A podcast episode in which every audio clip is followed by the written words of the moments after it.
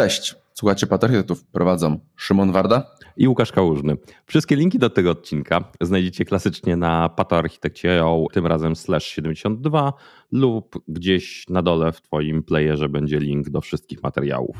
Dobra Szymon, co masz w tym tygodniu? Dwa linki. Jeden ciekawy pod paroma względami. Mianowicie pierwsze pokazuje dystrybucję różnych poziomów inżynierów, czyli deweloperów de facto, mhm. w Uberze na przestrzeni ich poziomów tak naprawdę. I to mhm. fajnie widać, bo widać, że poziom czwartego jest tak więcej, 5A jest mniej, a tych najwyższych poziomów już jest bardzo, bardzo niewiele. I to fajnie pokazuje dystrybucję, jak budować organizację i ile de facto potrzebujemy, ale jest też coś ciekawszego w tym. Mianowicie, jak fajnie definiowani są, definiowani są różne poziomy właśnie deweloperów. Bo podejście do tego, że ten inżynier najwyższego poziomu niejako tak naprawdę, to jest company level, Potem idziemy w dół, czyli organization level, area level, group level, team level, project level i task level. I wydaje mi się, że to jest idealny opis de facto, jeżeli chodzimy, mówimy o seniorowatości, czyli doświadczeniu de facto ludzi właśnie.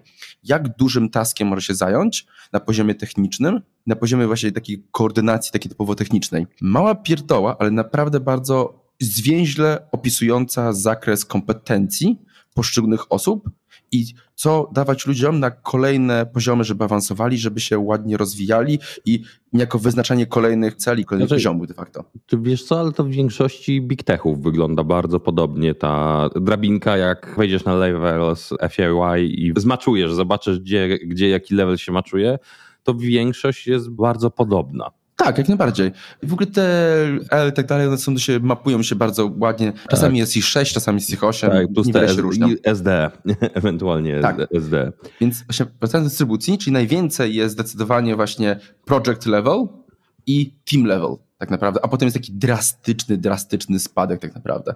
Bo osób, które łączą kropki na wyższych poziomach potrzebujesz coraz mniej. Zgadza się jak najbardziej, ale już nawet osób, które łączą kropki na poziomie group level, tak. Czyli to już tak, jest kilkakrotny spadek. Wiesz, tak ale właśnie to wiesz, słuchaj, to widać, bo to e, łączenie. Y, to jest część, tak jak mówimy, że dlaczego architekt powinien mieć tam przełożenie, na przykład jak popatrzymy sobie na rynek gdzieś tam korporacyjny inny, a nie techowy, to też pokazuje właśnie, dlaczego mówimy, że architekt czy osoba, która w tego typu organizacjach ma właśnie taką rolę staffową, jej praca ma się przekładać na ileś osób jego pomysły, kierunek ma być skalowalny grupą osób, dużymi grupami osób. I jeszcze jedna rzecz ciekawa. Najniższy poziom, czyli task level, czyli to junior, nie oszukujmy się, jest mniej juniorów niż powiedzmy takich midów, czyli product level.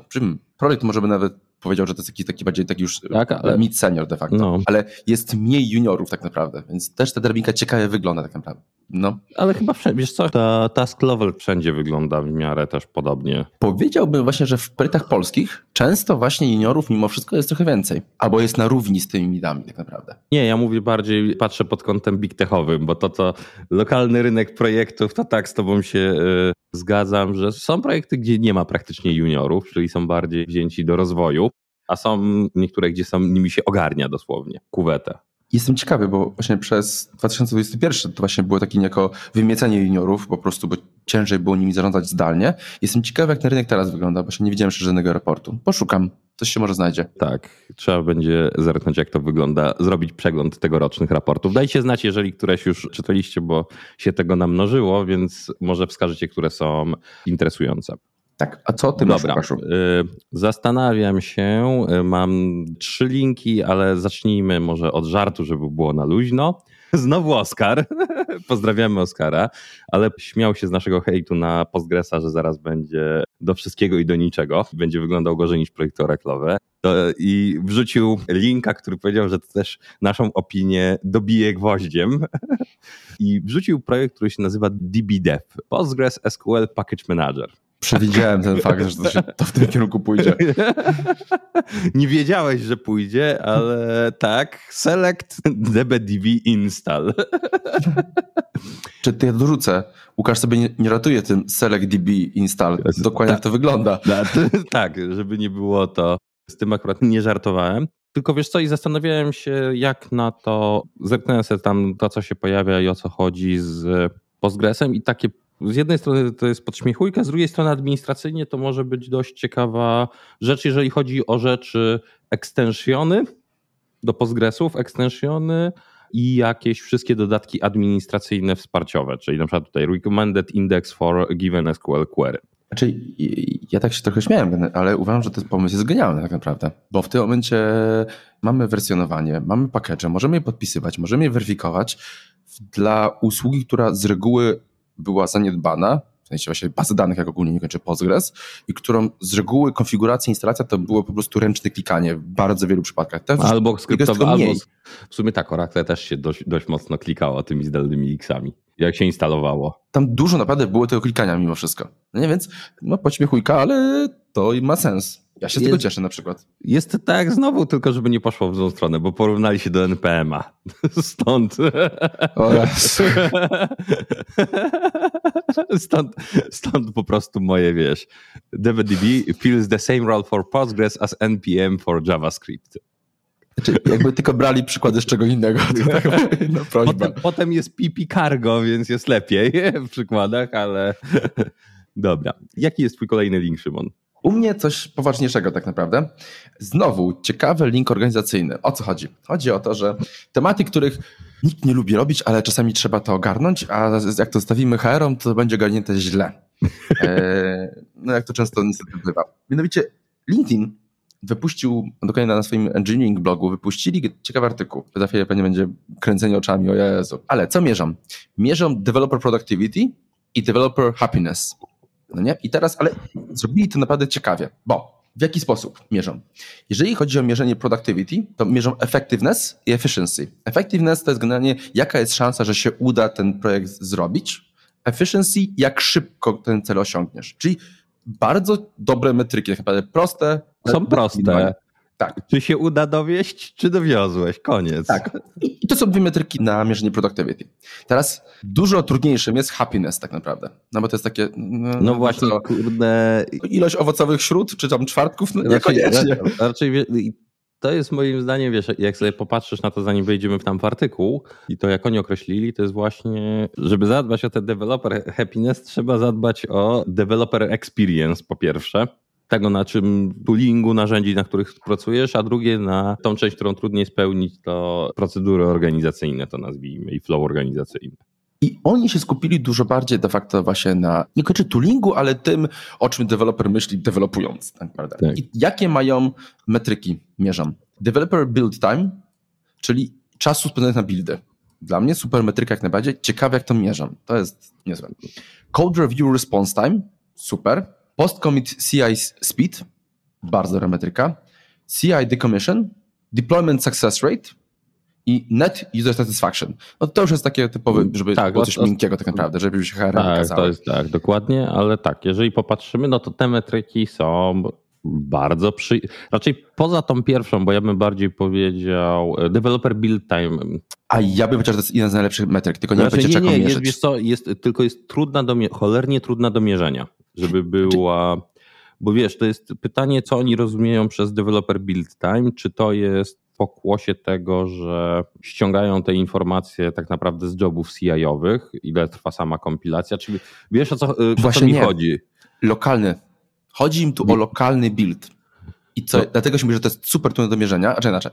Łatwe bo de facto to można zmierzyć, to nie jest nic magicznego, ale musiałyby to wspierać narzędzia i musielibyśmy zbierać jakiś sposób na zbieranie tego, a to już zaczyna śmierdzieć taką, no, inwestygacją bardzo mocną i śledzeniem ludzi. No, bo, bo, bierzesz się musisz inaczej. To minimum musiałbyś w kompilatora, e, tam jeszcze tak. powiedzmy, że jak jesteś w Javie albo w dotnecie, to powiedzmy, że jesteś teraz na poziomie w stanie czasu kompilacji zrobić telemetrię. O tak, tak. jakąś paczką swoją to jest prosta telemetria, która metryka ogólnie byłaby bardzo użyteczna de facto, bo to jest czas, który idzie, no, rozprasza i tak dalej, i tak dalej. Ale no właśnie, to tak bardzo śmierdzi śledzeniem ludzi de facto i wyciąganiem z tego potem złych wniosków.